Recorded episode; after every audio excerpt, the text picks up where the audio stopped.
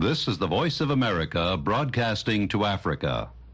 The following program is in Hausa.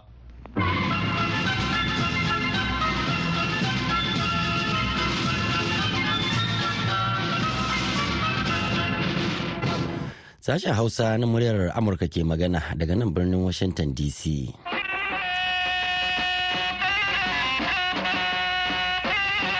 Masu saurare Assalamu alaikum da fatan an wani lafiya.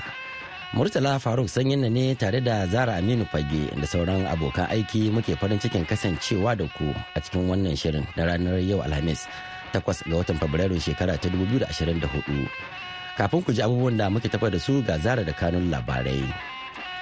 Kotun kolin Amurka za ta saurari bahasi a yau Alhamis domin tantance ko tsohon shugaban ƙasar Donald Trump bai cancanci iya sake riƙe mukamin shugaban kasa ba saboda rawar da ya taka a harin da aka kai ginin majalisar dokokin ƙasar a ranar 6 ga watan Janairu. A yau Alhamis ƙasar Iraki ta yi kakkausar suka kan harin da jiragen yaƙin Amurka suka kai wanda rundunar sojan Amurka ta ce ta kashe wani shugaban ƙungiyar 'yan ta'adda da ke samun goyon bayan Iran. To bayan cikakkun labaran duniyar za ku ji cewa ƙungiyar haɓaka tattalin arzikin ƙasashen Afirka ta yamma wato ECOWAS ko CDAO ta soma wani taro na musamman domin tattauna sha'anin tsaro da yiwuwar ɗinki baraka da ƙasashen Nijar, Mali da Burkina Faso. muna ta fama da matsaloli na tsaro a wannan yanki kuma a zo a daɗa samun wata ƙofa ta saɓani tsakaninmu da 'yan uwanmu ba abu ba ne da zai taimaki tsaro na yankin To masu fashin baki a Najeriya kuma na ci gaba da tsokaci kan sabon shirin gwamnatin ƙasar na tunkarar matsalar tsadar kayan abinci da matsin rayuwa da 'yan ƙasar ke fuskanta. Duk lokacin da gwamnati ta hito da wata manufa to 'yan siyasa da manyan ma'aikatan gwamnati da masu ƙarfin fada a ji sukan yi gaban kansu wannan umarni da shugaban kasa ya bayar umarni ne wanda za mu iya cewa dole ne a ba da irin shi Za mu kawo muku shirin lafiya uwar jiki to amma sai a gyara zama tukunna domin jin kashin farko na labaran duniya. Masu sauraron mu Assalamu alaikum barkanmu da wannan lokaci. Kotun kolin Amurka za ta saurari bahasi a yau Alhamis domin tantance ko tsohon shugaban ƙasar Donald Trump wanda mai yiwuwa zai zama ɗan takarar shugaban ƙasa na jam'iyyar Republican bai cancanci ya sake riƙe mukamin ba saboda rawar da ya taka a harin da aka kai ginin majalisar dokokin ƙasar a ranar 6 ga watan Janairun shekarar 2021. A ranar 6 ga watan Janairun na shekarar 2021 gungun magoya bayan donald trump da suka yi imani da kalamansa na cewa an yi magudin zaɓe wanda aka gudanar a watan nuwamba shekarar 2020 lamarin da ya sa suka mamaye majalisar dokokin amurka don hana 'yan majalisar sahali nasarar joe biden.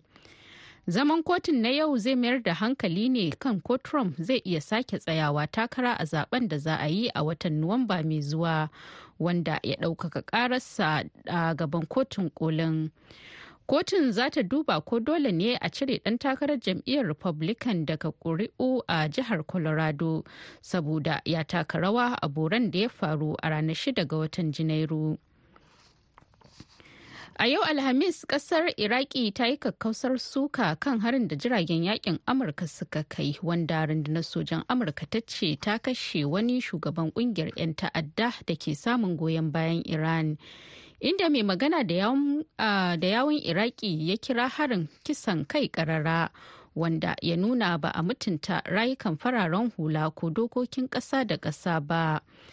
Yahiya Rasul mai magana da yawun Prime Minister Iraki ya ce kawancen da Amurka ke jagoranta wanda ta yi aiki a Iraki don kalubalanta ƙungiyar ISIS ta sabawa dalilai da manufofin kasancewarta a cikin Iraki. Babban kwamandan Amurka da ke sa ido kan ayyukan sojin Amurka a yankin gabas ta tsakiya ya ce harin da aka kai na ranar talatar da ta gabata ya kashe wani kwamandan ƙungiyar katib hezbollah wanda ke da alhakin shiryawa kai tsaye da kuma shiga hare-haren da ake kai wa sojojin amurka a yankin.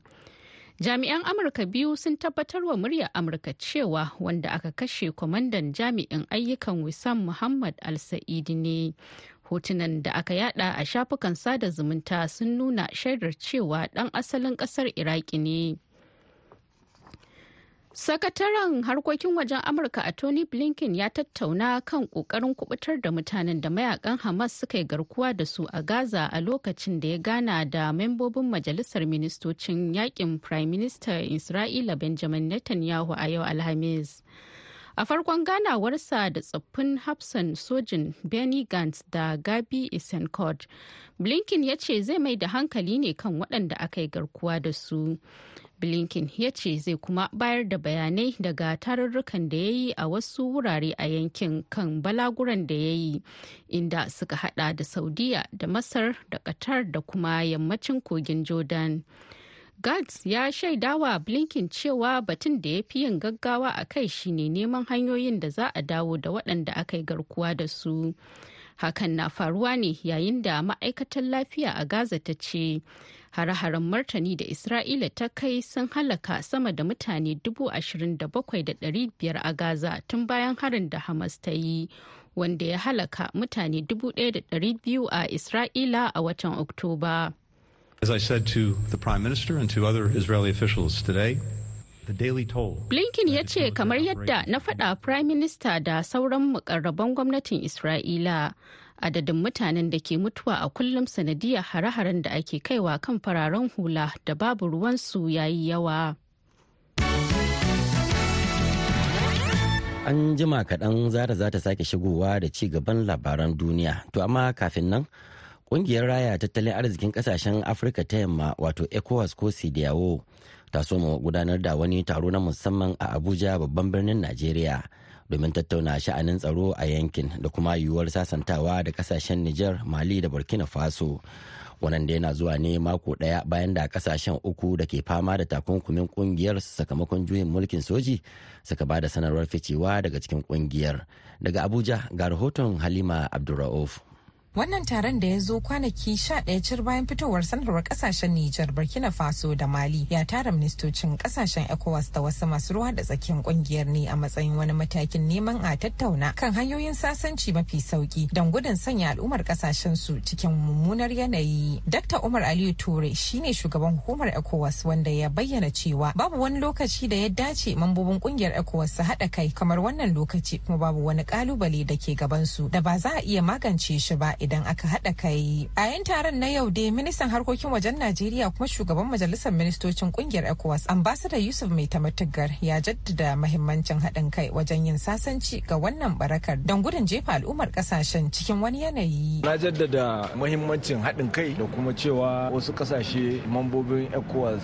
suka kuduri niyyar fita abin takaici ne masu haka ba da haka za mu ci gaba da ƙoƙari yadda Allah ya ganar da su za su ci gaba da zama a matsayinsu na mambobi na ecowas domin ita ecowas a sunanta a turance ma ana cewa ecowas community. An kafa ta ne domin al'umma ba wai don gwamnatocin ƙasashe ba. Saboda haka muhimmancin da abin da ake duba shine al'umma jama'an wanda da dama in ka duba wasu ƙasashe kamar irin su cote d'ivoire akwai 'yan mali akwai 'yan burkina faso kusan kashi 30 bisa 100 suna zaune a cikin cote d'ivoire. Haka haka ce wasu ƙasashe sun fita ma'ana suna son al'ummarsu da suke zaune suke cinikayya suna rayuwarsu a wasu ƙasashe duk su koma kenan. Idan aka zo ana cinikayya tsakanin ƙasashen nan duk sai an biya haraji. Saboda haka rayuwar ba wai daɗi za ta ƙara ba wahala za ta ƙara. Musamman ga ƙasashen da suka ƙudiri wannan niyya. Fatan mu shine za a yi amfani da diplomasiya. Yan uwanmu ne muna ƙaunar su a shawo kansu a ci gaba da zama a cikin yan uwa. Shi ma ministan tsaron Najeriya Alhaji Muhammad Badar Abubakar ya bayyana cewa to a wannan taro za a tattauna maganar fitar Niger, Mali da Burkina Faso daga ECOWAS a ga matakan da ya kamata a ɗauka na 'yan uwantaka da zumunci da mutunci na juna da kuma kare haƙƙin 'yan ƙasashen na yadda za su ci gaba da zama duka ƙasashen nan namu da kuma yin hudodi a duka ƙasashen nan namu. So za mu tattauna mu ga yadda za a bullowa lamarin kuma da yardar Ubangiji ana tunanin a samu sulhu na yadda za a daidaita. Muna ta fama da matsaloli na tsaro a wannan yanki kuma kuma a zo a daɗa samun wata ƙofa ta saɓani tsakaninmu da 'yan uwanmu. Ba abu ba ne da zai taimaki tsaro na yankin. A game da matsalar ta kunno kai a ƙasar senegal alhaji badaru ya ce za a bullo da matakan tabbatar da cewa an samu mafita ga daidaita batun ɗage zaɓen ƙasar zuwa watan disamba. Na tabbatar za mu tattauna yau a ga kofofin da za a ɗauka na yadda shi ma za a daidaita al'amarin domin a sami kwanciyar hankali a senegal. Idan ana iya tunawa a cikin sanarwar da ƙasashen yammacin afirka ukun wato nijar burkina faso da mali suka fitar sun jaddada cewa za su kare 'yancin su a matsayin ƙasashe su kori ƙungiyoyin 'yan ta'adda tare da nuna karara cewa shirya zaɓe ba shine babban abin da ke damun su ba a yanzu. Tun bayan juyin mulkin da aka yi a ƙasashen mali burkina faso da nijar ƙungiyar ecowas ta yi ta ƙoƙarin ganin shugabannin mulkin sojan ƙasashen sun dage wajen gudanar da zaɓe na maido da gwamnatin farar hula lamarin da ya ci tira halima abdulra'uf murya amurka daga abuja najeriya a gaida Halima Abdulra'uf yanzu kuma ga zara ta dawo da ci gaban labaran duniya.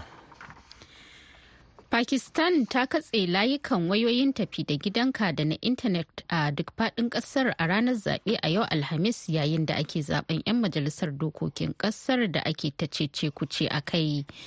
Sanarwar da ma'aikatar harkokin cikin gida ta fitar da sanyin safiyar yau gabanin buɗe wuraren kaɗa ƙuri'a kimanin mutane miliyan 128 ta ce an ɗauki matakan rufe hanyoyin sadarwa ne saboda a kawar da duk wata barazanar tsaro da tabbatar da doka da oda. Rikicin dai ya biyo bayan tashin bama-bamai guda biyu a wajen ofishin yaƙin neman zaɓe a kudu maso yammacin lardin balochistan a ranar larabar da ta gabata inda ya kashe mutane talatin yayin da ƙungiyar isis ta ɗauki alhakin kai harin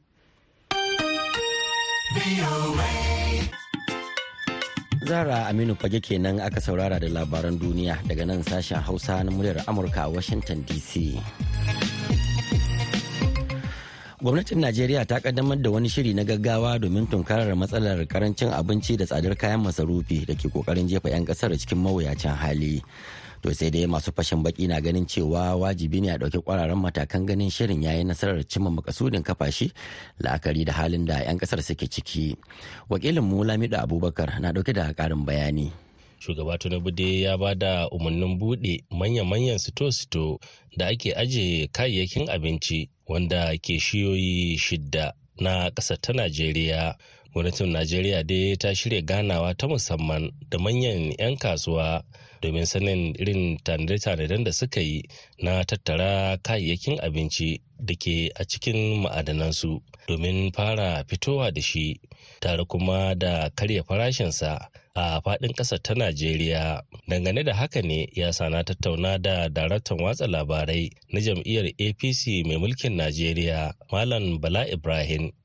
Wannan mataki aka ɗauka na buɗe rumbuna domin a saki abinci zai taimaka matuƙa gaya lalle duk wanda yake najeriya a halin yanzu ya san cewa ana cikin wani hali rashin jin daɗi a tattare da rayuwa ina tabbatar maka cewa wannan abu za a yi shi domin a ga cewa ya tsirga ga waɗanda ake so ya tsirga gurinsu in kuma wasu suka nemi su hana ruwa gudu a shirin ka tabbata za su dace da hushin hukuma haka kuma na yi magana da wani mai sharhi akan harkokin yau da kullum kan matakin na gwamnatin tarayyar Najeriya musamman halin da jama'a suke ciki.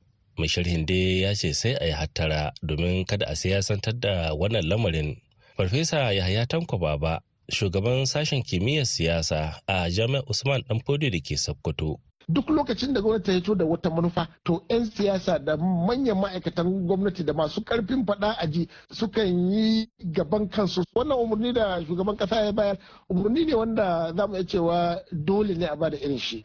Kuma dole ne gwamnati ta yi tsaye kai da fata ta tabbatar da cewa an samu abinci wadatacce kuma cikin farashin da mutane za su iya saya idan ba haka ba to inda aka dosa na ba za mu iya ganin taɓarɓarewar tsaro da kuma tarzoma mun fara ganin abin da ya faru Naija da wani ma ɓangare na kudancin ƙasar nan da wurare daban-daban su jefi-jefi aka fara zanga-zanga.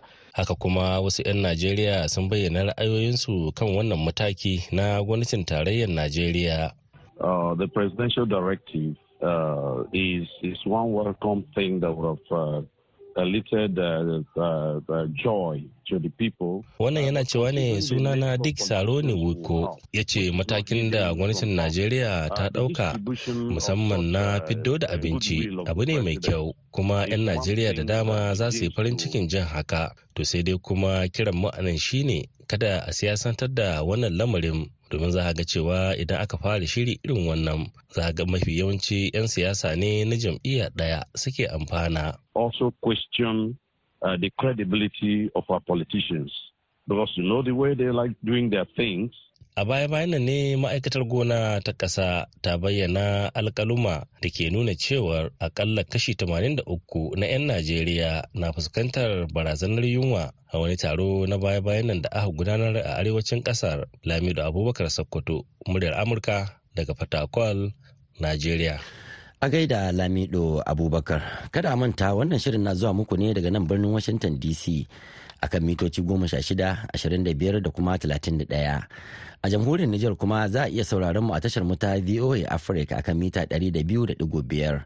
Baya ga haka a da yaushe ake so za a iya zuwa shafukanmu na intanet a voahausa.com ko kuma sashen hausa.com. Yanzu kuma ga shirinmu na gaba.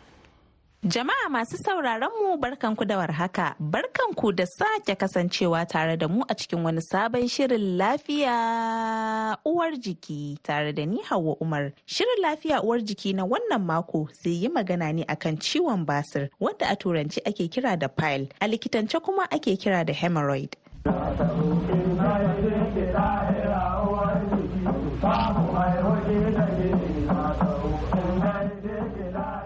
Basir dai cuta ce da ke haddasa kumburi da rashin sukuni a wasu lokutan ma har da zubar jini ta duburar dan adam. Tare da ni a cikin shirin akwai Dr. Muslim Bello Katagum na shahararren asibitin Ni'ima da ke jihar Bauchi inda ya fara da yi mana bayani game da cutar ta basir. Likita gare ka. Shi ciwon basir dai a turance an fi kiran shi da pile amma kuma a likitance asalin sunan shi shine hemorrhoid. So wannan ciwon basir ɗin nan ba wani babban cuta ba ne illa kamar bayani haka. Shi wannan duburan namun nan kamar yadda muka sani yana da jijiyoyi jijiyoyin da yake kaiwa jini wanda yake taimakawa tare da su muscles wato tsoka kenan da yake jikin adam gurin shiga a gurin wato ainihin fitan bayan gida kenan. So yayin da ya kasance cewa ɗaya daga cikin waɗannan jijiyoyin ya kumbura ya yi kumburin da har zai zo ya fara takura gurin ya zo ya kasance ya fara yin jini yana yin kaikayi yana yin zafi. Alal misali to shine ake kira da wannan shi hemorrhoid ko kuma pile ko kuma basir a hausance. So ba wani babban abu ba ne illa wannan jijiyan da yake jikinmu ne yake kumburi saboda waɗansu dalilai da zan tattauna a gaba. To likita shin me ke haddasa cutar basir? Babban abin da yake kawa wannan basir din shine bayan gida mai tauri tare da straining yayin yin wannan bayan gidan. Straining shine wannan nishin da zai kasance mutum yana yi dan bayan gidan yayi tauri. Wannan nishin yana jawa prejo yayi yawa a wannan particular gurin wato a jikin dubura. To wannan nishin da mutum yake yi saboda bayan gida mai tauri shine yake janyowa sai jijiyoyin sai su fara reacting sai kuma on their own su fara gajiya. Wato gajiyan nan shine za mu iya cewa kamar a matsayin pressure kenan suna gajiya sai kuma su fara dan kumburin a gaba a gaba a gaba continuously. Wato a gaba yana kai yana kai yana taruwa har sai kai to the extent that ya ƙara wannan kumburin. So a takaicen takaitawa dai kenan yayin da mutum yana yawan samun matsalar na bayan gida mai tauri wanda ya kai to the extent that zai na yin nishi ko kuma yawan zama akan shadda ko kuma ba kan shadda ba wanda ya kamata a ce mutum ya yi bayan gida cikin minti biyu minti uku ga mutum ya minti sha biyar ashirin talatin ko ma sama da haka dan yana so bayan gida ya samu ya fito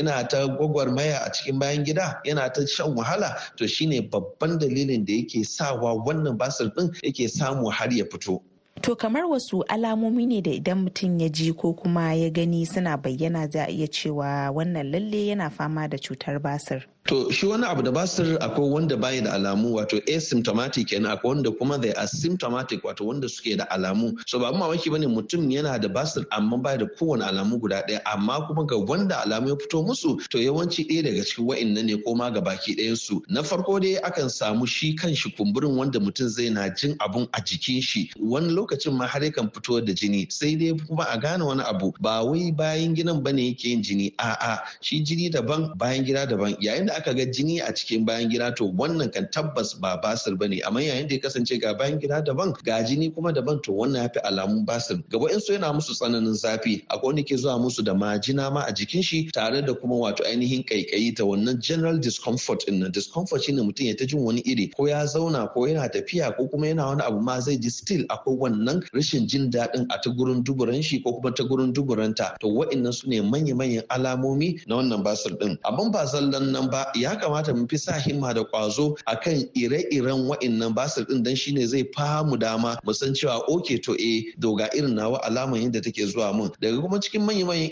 ire-iren muna da su in degrees ne wato hawa-hawa kenan. Muna da first degree muna da second degree muna da third degree muna da kuma fourth degree. To first degree shine wanda babu prolapse. Prolapse ne shine wannan bulluko wannan. So mutum kenan yana da basir amma tana ta ciki wato internal hemorrhage kenan. So ko ma menene ba zai taba jin ta ba amma kuma yana da shi ko kuma tana da shi. Na biyu kuma akwai prolapse amma prolapse din yakan aku ne yayin straining yayin da mutum ya kasance yana wannan dogon nishin nan da na faɗa a baya yayin da mutum kuma in aka ce yana nishi to ba mamaki ba ne bayan gidan yayi wannan taurin to sai kasance cewa kenan abin ya fara bulukowa amma in ya kasance babu matsalar nishi in ya kasance cewa bayan gida ya zo da laushi to wannan ba zai buluko ga baki ɗaya ba. Shine second degree kenan. Third degree ko kuma degree ko kuma in ce hawa na uku shine yayin da ya kasance saboda nishin da mutum yake yi saboda bayan gida mai tauri to sai ya kasance cewa wannan ya bulluko wato shi wannan jijin da na faɗa yake kumbura sai ya bulluko amma kuma ba zai koma ba har sai an sa yatsa an mai da shi wato za a iya pushing in shi back kenan. Sai kuma fourth degree wato na ƙarshe shine ko ka sa yatsa ma ba zai fito ba saboda wannan nishin da ake is continuous wato ya daɗe na wani tsawon lokaci alal misali kuma ya kai to the extent that bullukowan ba wanda mutum zai iya maidawa ba ne. So kenan mutum zai iya tambayin kanshi shin in yana da basir alal misali mai bullukowa ne a wanda zai zo ya kasance ya koma da kanshi ne wanda sai ka sa yatsa ne ko kuma wanda ko ka sa yatsan ma ba zai koma ba. Dan za ta iya ka sa ya koma amma kuma ya sake fitowa. So kaga kenan kullum mutum wannan gurin ya kasance yana da shi to kenan yana buɗe constantly. So ba mamaki ba ne yana da wannan fourth degree din. Daga wa'insu ire-iren shi ko muna da internal muna da kuma external. Internal shine wanda yake ta ciki wanda kamar yadda na faɗa ba dole mutum ya san yana da shi ba. External kuma shine wanda har muke ganin shi wanda gashi ne yana zaune a waje. Amma daga cikin wanda suka fi wahalan sha'ani shine thrombosed hemorrhoid wanda shi kuma tarin jini ne wanda yake fitowa shi ma duk ta wannan jijin da na faɗa din ya kumbura sai zo ya yi waje. Amma daga cikin manya-manyan alamomi shine tsananin tsananin zafi. Zafin da in ba a kiyaye ba ma waɗansu har akan ba su gado. Sai kuma ya kasance yana zuwa da jini tare da wannan duk alamomi da na faɗa a baya na su majina tare da kuma rashin jin daɗi a dubura ga baki ɗaya. To likita shin akwai wasu nau'ikan cututtuka da suke da kamanceceniya da ciwon basir? Eh tabbas akwai su. Wa'insu kuma ba wai zallan kamanceceniya ba ne but rather matsala ne da ake samu tsakanin wanda shi yake tunani ya da ba su da kuma ba ma ba su din yake da shi ba. Wato marar lafiya kenan musamman yayin da ya je gurin likita. Bari wani bayani a gurguje wanda yana da kyau don Allah mu fahimta. Da yawa daga cikin mutanen da suke da wani rashin lafiya da ya hada na dubura in sun zo gaban mu sukan ce mana suna da basir ne. To yayin da kace kuma kana da basir abin da ni likita zan ɗauka shine a ai wani likita already ya ganka ko kuma ya ganki ya yi diagnosis ɗinka ko kuma ya tabbatar da cewa eh kana da basir. To da ka zo ka faɗa mun ni kuma kawai zan ɗaura a kai ne. To ba dole kasance na tsananta a bincike ba. Musamman ya kasance cewa ga feshin guda talatin suna jira a baya gashi ya kasance cewa a ni kaina na gaji. Ko kuma akwai wasu aikace aikace ko kuma gashi an kawo emergency to kai kuma ka zo ka ce mu kana da basir. To abin da zan yi kawai zan rubuta ka ce kana da basir ne. Ba abun mamaki ba ne ba basir kake da shi ba dan uwana. Ba abun mamaki ba ne hala kana da anal fissure ne ko kuma anal carcinoma ko kuma anal fistula ko kuma anal abscess ko kuma pruritus ani ko kuma diverticulosis ko kuma irritable ko kuma inflammatory bowel disease ko kuma su colorectal carcinoma. So bari dan yi su a gurguje. Wa'annan su ma a namu fahimtar basir din na mutane suna kama da basir amma kuma kwata-kwata akwai wanda ba su da kamanceceniya yanzu kama aka ce fistula yana nufin rami ne da yake fitowa a gefen dubura. To kaga mutum ba dole san rami ba ne wannan zai zo ya ce maka kai basir ne. Bai ma san cewa wannan rami ba ne so kaga a matsayinka na likita ba ba dole ka sa himma da ƙwazo a wannan binciken da na faɗa a baya ba. Wannan ya kasance fission ne shine kamar ɗan yago wanda yake bullukowa ko da amin wanda yake fitowa ta gurin dubura wanda wani zai ce maka yana da basir kuma ba basir ba ne fission ne. Abscess wato zai kasance cewa in mutum yana da wato kamar a ce diwa ne wanda ya zo ya taru a gurin wanda mutum zai ce maka gashi nan yana da basir. So duk ba su ba ne carcinoma kama kansa ne ga baki ɗaya so in mutum ya zo ya kasance yana da kansa ya zo ya ce maka yana da basir so kun ga abubuwan sun yi asalin asalin hannun riga kuma ga baki ɗaya management ɗinsu da treatment ɗinsu ba iri ɗaya ba ne balle kuma mutum wani cucuka yake da shi wato pruritus any kenan ya ta samun kaikai na wannan duburan wannan kuma ya kasance a yana barin farce ya ji ciwo kan shi wanda zai iya jawo fissure din for example duk za su taru da kalma guda ɗaya ne ina da basir so sai sa jama'a in kun zo kar ku ce likita a mace ne ko namiji ina da basir ko kuma alal misali wani abu kamar ku nuna musu ko kuma ku faɗa musu alamomin da kuke ji kuma yana da kyau ku yi insistent ku ce su gani su ma su duba. Especially in ya kasance cewa guri ne wanda ka san iya akwai ƙwararrun ma'aikata in ba haka ba to zai kasance mutum ya zo ya developing wani condition din da ba shi ba sai satuka wata da watanni wa'insu ma har wa'insu shekaru kuma kafin a zo a gano cewa ai gabaki ɗaya ba ma wannan yake da shi ba ya daɗe yana ɓata kuɗin shi ta daɗe tana ɓata kuɗin ta ɓata lokaci tare da kuma shan magungunan da ba gaira ba dalili. To likita shin ma cutar basir tana ɗaukar lokaci ne kafin ta bayyana bayan mutum ya samu cutar? To gaskiya wannan ya fi alaka da irin yanayin bayan gida mai tauri da mutum yake da shi da kuma irin lokacin da ya daidai yake yi da kuma uwa uba wato yayin da ya zo yin wannan bayan gidan yana irin wannan nishin nan saboda bayan gidan ya samu ya fito. In kasance mutum ya yi satuka wata da watanni kan ba mamaki ba ne zai iya developing ishi amma ya kasance cewa mutum kwata-kwata baya da irin wannan ishi na bayan gida mai tauri ko kuma ya zo ya kasance ya daɗe yana zaune a bayan gida ko kuma gashi nan bayan gidan ya dame shi yana kan riƙewa aikin shi ne riƙe bayan gida ba don kuma ba. Don alal misali yana jin wani iri na zuwa bayan gida ko kuma a inda yake zaune babu bayan gida ko kuma yana jiran wani lokaci yayi alal misali sha ɗaya da rabin safe mutum yake jin bayan gida sai ce a aito ainihin da awa ɗaya da rabi za a kira sallan azahar. To bare bari sai lokacin sallan azahar tukunna in ta yi kafin ya je ya bayan gida. To duk wa'annan abubuwa ne wanda suke developing suke taruwa suke iya determining din wannan fitowa na basir din so kenan babu wani takamaiman lokacin da za a ce maka ainihin da sati biyu sati uku wata ɗaya wata biyu wata uku. A'a duk abin da zai sa a samu wannan pressure a wannan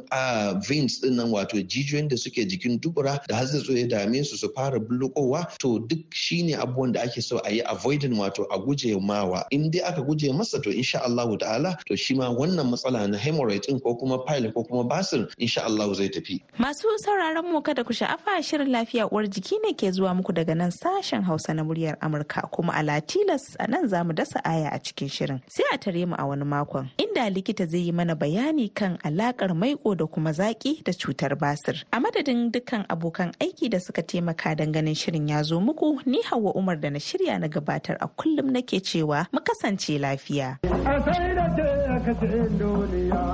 Ta gaida hawa umar. Da wannan kuma muka zo ga shirinmu na ƙarshe wato labarai a taƙaice.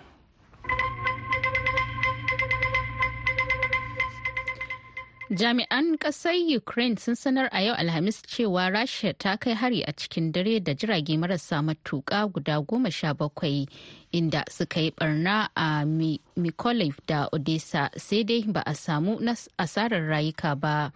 rundunar sojin sama ta ukraine ta ce sojojin saman ƙasar sun lalata goma sha ɗaya daga cikin jirage mara matuƙa a yankunan mykolaiv odessa benetstia da dnipropetrovsk Vitali Kim gwamnan yankin Mykolaiv ya faɗa ta kafar Telegram cewa an samu lalacewar gine-gine da masana'antu.